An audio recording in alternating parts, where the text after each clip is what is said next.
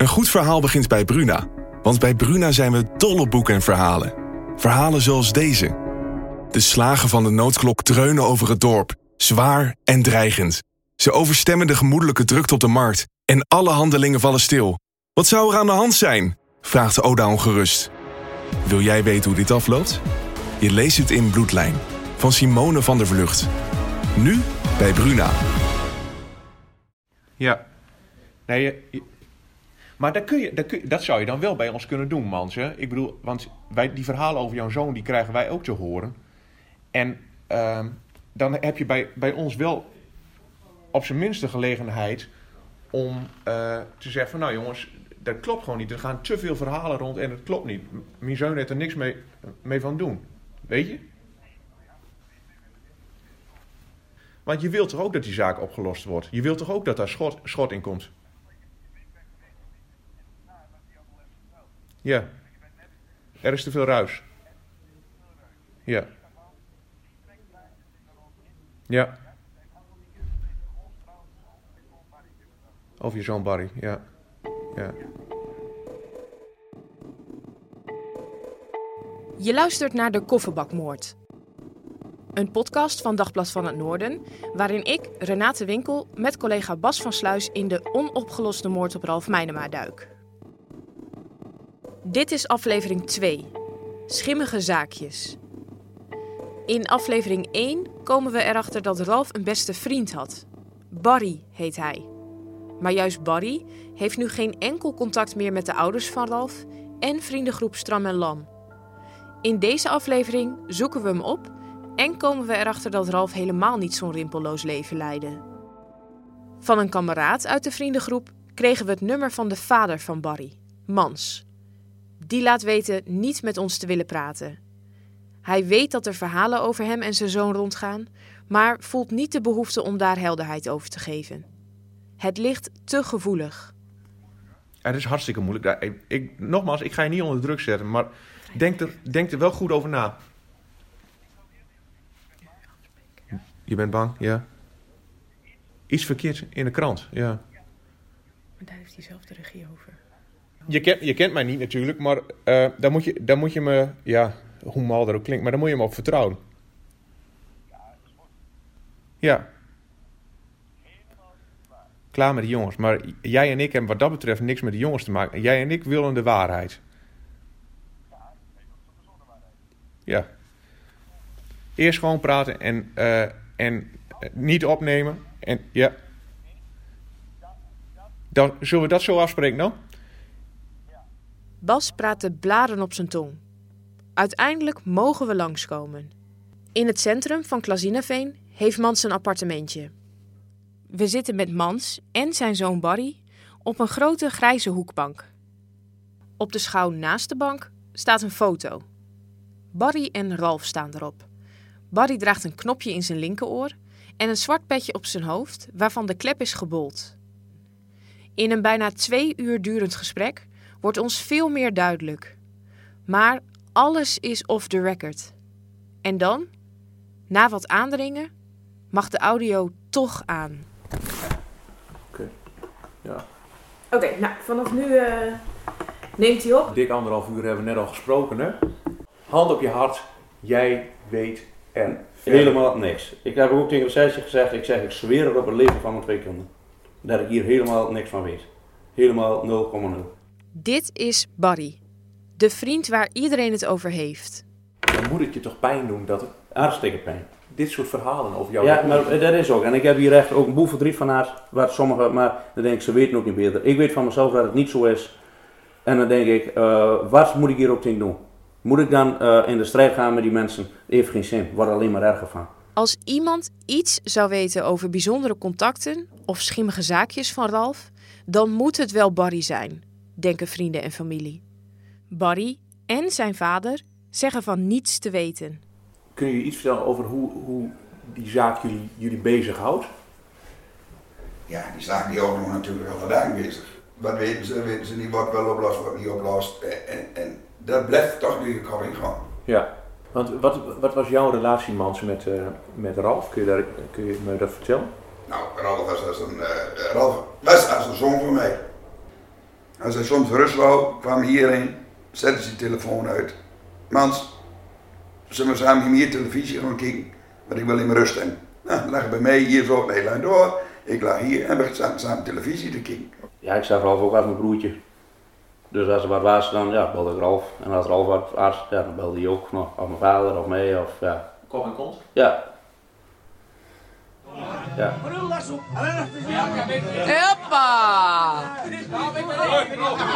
Het beeld dat we eerder kregen van Ralf, een jongen die een leven leidt dat bestaat uit werken, bier drinken en slapen, een allemansvriend die altijd zijn deur voor iedereen had openstaan, wordt hier bijgesteld. Of op zijn minst genuanceerd. Ralf was het zat, vertelt Mans. Hij wilde een rustiger leven. Maar je moet nodig. Ralf kreeg een vaste baan en noem maar op. Ralf wil zijn nu niet mooi maken, zonder ik met elkaar doen. Maar hij wil niet meer dat in de weken, dat zoeken en dat doen. En, en daar had hij geen belang meer bij. Toen hij opnieuw Dordrecht woonde, zoveel volk om thuis altijd. Altijd maar bier drinken en feesten. Ralf wil dat niet meer. Ralf wil nou meer rust hebben. Dat heeft hij tegen jou gezegd, Mans. Van ik, wil, ik wil niet allemaal dat mensen bij mij langskomen. Ja. En dat gezoek. En En af en toe kwam hij hier... eh, die, maar je maakt ook nog een snuif eh, eh, ja, tuurlijk. Maar deed hij dat zelf ook dan? Nee, nooit een keer. Nee? Hij, Nee. hij deed geen drugs? Nee, hij heeft een hekel aan drugs. Ralf had een hekel aan drugs. Ja? Ja, 100 procent. Duizend procent. De avond voordat het lichaam van Ralf zwaar gehavend in de kofferbak van zijn Mercedes wordt gevonden, gaat hij nog even langs Mans. Zoals altijd eigenlijk. Eerst doet hij nog wat boodschappen bij de drogist. Op camerabeelden is te zien hoe Ralf zelfverzekerd de winkel binnenstapt. In zijn rechterhand houdt hij een telefoon aan zijn oor. In zijn rode mandje liggen een paar boodschappen. Op de laatst bestaande videobeelden van hem zien we een ontspannen man. Geen haast. Hij was even bij de op is op winkel geweest Ja, en toen is hij bij jou geweest. ja, Dat klopt. klopt. Hoe ging het met hem toen? Rustig, gewoon, normaal, vrolijk. Niks aan de hand. Even op de bank zitten. Even op de bank zitten, even weer bij praten. Is hij lang geweest? Nee. Alles met elkaar denk ik 15 tot 20 minuten. Maar dat deed hij altijd. Ja. Dus er was niks geks aan. Er was niks geks aan. Niets geks. Elke dag na zijn werk maakt Ralf even zijn rondje. Eerst langs Mans, dan langs Barry en tot slot altijd even naar Pa en Ma, waar een bord warm eten klaar staat. Aardappels, bloemkool en een carbonade dit keer. Niemand merkt die avond iets aan hem. Moeder Ingrid maakt zichzelf dan ook gek met de gedachte dat ze iets gemist heeft. Ik denk eh, alle dagen, wat heb ik gemist? Wat heb ik gemist bij hem? Vreet dat aan je? Ja, verschrikkelijk, verschrikkelijk. Ja. Want ik moet wat gemist hebben, dat ken niet anders. Ik moet wat gemist hebben. Hij kwam, alle dagen kwam die hier, kan ik wel zeggen. Ik kan wel zeggen alle dagen. Als die sowieso bij Wiets aan het werk was, hè, aten we hier met z'n drieën Ja. altijd. En de ene keer at hij het, dan zat hij hier aan tafel. En dan at hij het hier aan tafel op. En de andere keer zei hij, joh ma, ik neem het mee. Ik zet het thuis even in de magnetron of ik pak het op of wat dan ook. We moeten morgen vroeg weg. En dat was die donderdagavond ook. Hij stond naast me. Ik heb... En dat blijf ik me altijd voor de kop slaan. Wat heb ik gemist die avond? Ik heb wat gemist, dat kan niet anders. Ik moet wat gemist hebben. Ralf blijft niet eten. Hij moet ochtends om 6 uur met de vrachtwagen aardappels afleveren in het dorpje Warfum. Hij wil vroeg op bed. Niets lijkt erop te wijzen dat Ralf heeft voorzien hoe die avond zal verlopen. En toch, toch gebeurt er iets aparts. S'avonds op de bank bij Mans wordt Ralf gebeld. Nou ja, goed, de telefoon ging en ik kreeg dus mee dat hij eh, voor s'avonds wat afspraak. En eh, het was ook maar een kort gesprek, maar dat hij voor s'avonds wat afspraak. Toen heb ik hem gevraagd, toen het gesprek afgelopen was, heb ik gevraagd, ik zei, wie was dat? Toen noemde hij de naam Hans O. Een telefoontje van Hans O. Het is niet voor niets dat Mans hem niet bij zijn achternaam noemt. Hans O. is voor politie en justitie op dit moment nog altijd verdachte in de kofferbakmoord. Of zaak Zandpol, zoals het politiedossier officieel heet. Op dinsdagochtend 13 februari 2018, bijna een jaar na de dood van Ralf, wordt de dan 39-jarige O opgepakt in zijn woning in Emmen. O woont op een klein woonwagenkampje in de wijk Rietlanden. Het wemelt er die ochtend van de rechercheurs. De hele dag wordt de wagen van de verdachte onderzocht op sporen en in de tuin staat een grote witte tent. O wordt vastgezet voor betrokkenheid bij de moord op Ralf. 89 dagen later, vlak voor de eerste zitting in de rechtbank, staat hij weer op vrije voeten. Er ligt te weinig bewijs om hem langer vast te houden. En toen heb ik hem gevraagd, want ik ken Hans O niet. Toen heb ik hem gevraagd wie is dat. Toen heeft hij gezegd van dat is een zwager van Herman. Maar die jongens die doen uh, nogal een beetje aparte zaakjes allemaal. Aparte zaakjes, schimmige zaakjes, zoals de politie een week voor de arrestatie van O zelf nog op televisie meldde. Waar kan die nou in verzeild zijn geraakt? De meeste mensen die wij hebben gesproken, die kennen Ralf ook gewoon als een gezellige jongen. Altijd hard aan het werk, biertje doen met vrienden in het weekend. Maar toch lijkt het er heel sterk op dat hij op de een of andere manier betrokken is geraakt bij schimmige zaakjes. Uh, we uh, horen bijvoorbeeld ook geruchten dat hij ter verantwoording zou zijn geroepen en daarom om het leven zou zijn gebracht. Maar waarvoor hij verantwoording moest afleggen of aan wie, dat weten we niet. Ralfs verleden was niet rimpelloos. Hij wordt door de Telegraaf gelinkt aan het rippen van wietkwekerijen. Bewijs is daar niet voor, maar Ralf was geen onbekende van de politie. Zo werd hij in 2015 opgepakt voor het stelen van een shovel van een werkplaats in Zwarte Meer. Dat deed hij in opdracht van iemand anders. Een dag na de diefstal werd Ralf gearresteerd. Tot een rechtszaak komt het niet. De zaak wordt bij het Openbaar Ministerie afgehandeld. Het strafblad van Ralf blijft brandschoon. Maar die schimmige zaakjes heeft de politie niks uit kunnen halen. Ralf heeft geen strafblad, niks. En die schimmige zaakjes waren allemaal geruchten. En ze hebben alles onderzocht, maar ze kennen Ralf uiteindelijk bij geen één schimmige zaakje plaatsen. Ze kunnen, ze kunnen eens plaatsen. Ze kunnen hem er niet bij plaatsen. Het zijn allemaal geruchten wat je hoort. Ruis. Ja, ja het is ja. zo ja, ik weet van mijzelf voor 100% zeker. Ralf was anti-drugs. Want als er één pest aan drugs had, was het Ralf. Die was echt anti-drugs. Daar kun ze allemaal navragen. Want ik heb het zelf nog aan een jongen gevraagd. Ik kwam hier een tijdje terug. Ik zeg, mag ik jou eens wat vragen? Ik zeg, je kan kwaad op me worden of niet. Ik zeg, maar, zal maar de roos wezen? Ik zeg, heeft Ralf drugs gebruikt? Nee, zegt hij. Absoluut niet. Ook de ouders van Ralf kennen inmiddels de verhalen, de contacten. En dat je nou weet dat er sowieso één persoon is, maar ik weet wel dat er meerdere zijn, ja, die gewoon weten hè, van het wat. Waarom? Waarom? waarom, waarom. Hè, en waarom is hij ergens heen gegaan? Hè, dat, dat, zulke dingen, dat, dat, dat zijn de personen. Die weten dat. Denk je daar veel over na? Over die ene ja, persoon die dan wel... Ja, zeker. Ja, meerdere natuurlijk en niet alleen die ene. Dat is niet alleen die ene natuurlijk. Dat is gewoon een lopertje geweest. Nee, dat is een lopertje. En die ene, dat is Hans O? Ja. Ja. Ja. ja. Weer die Hans O. Wie is deze man? En hoe kent hij Ralf? Van vrienden en ouders horen we dat de mannen elkaar vaag kenden. Kennissen van kennissen.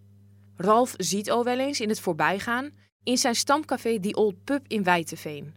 O is de zwager van kroegbaas Herman. Ze komen elkaar jaren geleden ook eens tegen op vakantie aan het Gardameer in Italië. Ralf is daar met zijn vriend Robert. Even op bezoek bij de kroegeigenaar, bij wie ze hun tent een paar dagen opslaan. Maar echt intensief contact tussen O en de jongens is er niet vertelde Robert toen we hem in de omgebouwde Stram en Lam in Klazinaveen spraken. Nou, wij waren met z'n tweeën er, hè, maar uh, daar waren we heel veel bekend. Daar waren veel bekend ook. Hè? Ja, er staan altijd, uh, hier uit de buurt staat heel veel aan het Gardameer. Nou, nog steeds wel. Dus ja, dan kon je elkaar wel tegen. Dat was alleen maar bier drinken ja. en barbecue. Maar toen hebben ze elkaar wel leren kennen. Ja, Of Ralf uh, Hans al? Ook wel een beetje zoals jullie hem een beetje kennen van horen zien en ik weet wie het is. en- ja gewoon eh, de zwager van Herman en eh, Nou, en als er dan iemand bij gaat zitten bier drinken, ja, dan uh, dat kan. Ja. Op sociale media vinden Bas en ik amper sporen van de verdachte. Zijn Facebookpagina is afgeschermd en heeft geen profielfoto. Eén video staat bijzonder genoeg wel openbaar. Hallo weg, bij deze. Bedankt voor deze nominatie.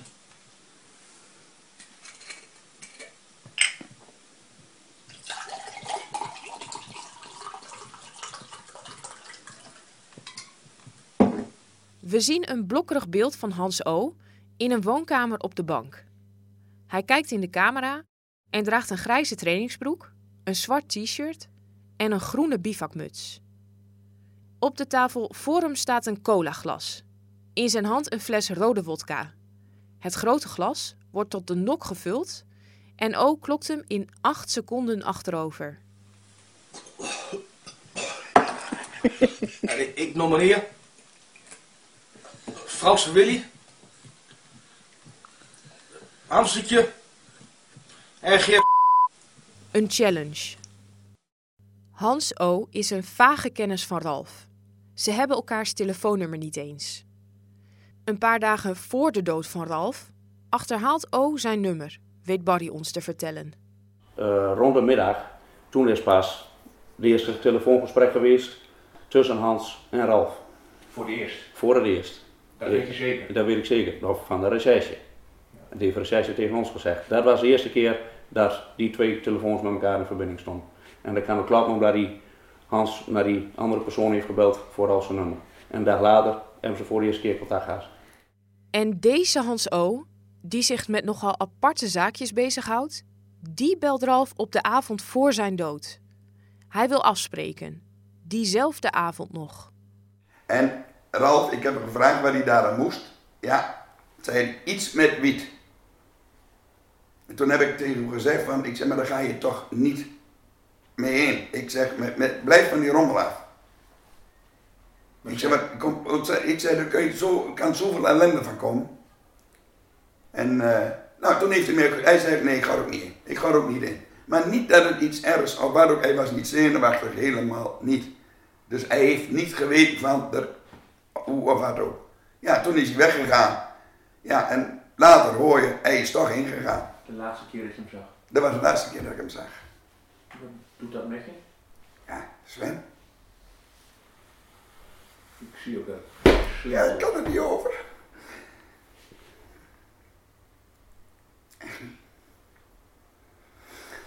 En dat het gelul van andere mensen. Ja? Nee. Laat maar maar in. Ja. Wiet. Ralf Meinema ging, volgens Barry en Mans, de avond voorafgaand aan zijn gewelddadige dood naar een afspraak die te maken had met drugs. Kennen zijn vrienden en ouders hem wel echt? Was die hardwerkende, joviale Ralf dan toch verwikkeld in schimmige zaakjes?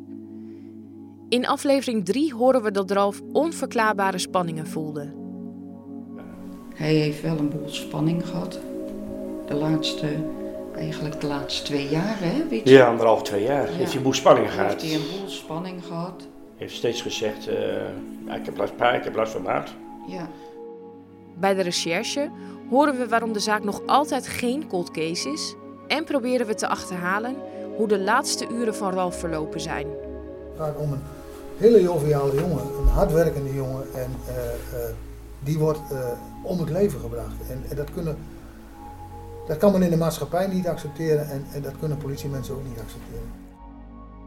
De Kofferbakmoord is een podcast van Dagblad van het Noorden door Renate Winkel en Bas van Sluis. De podcast kwam tot stand met hulp van Willem Dekker, Inkie de Jonge, Lieselotte Schuren en Alwin Wubs. Eindmontage Matthijs Mol.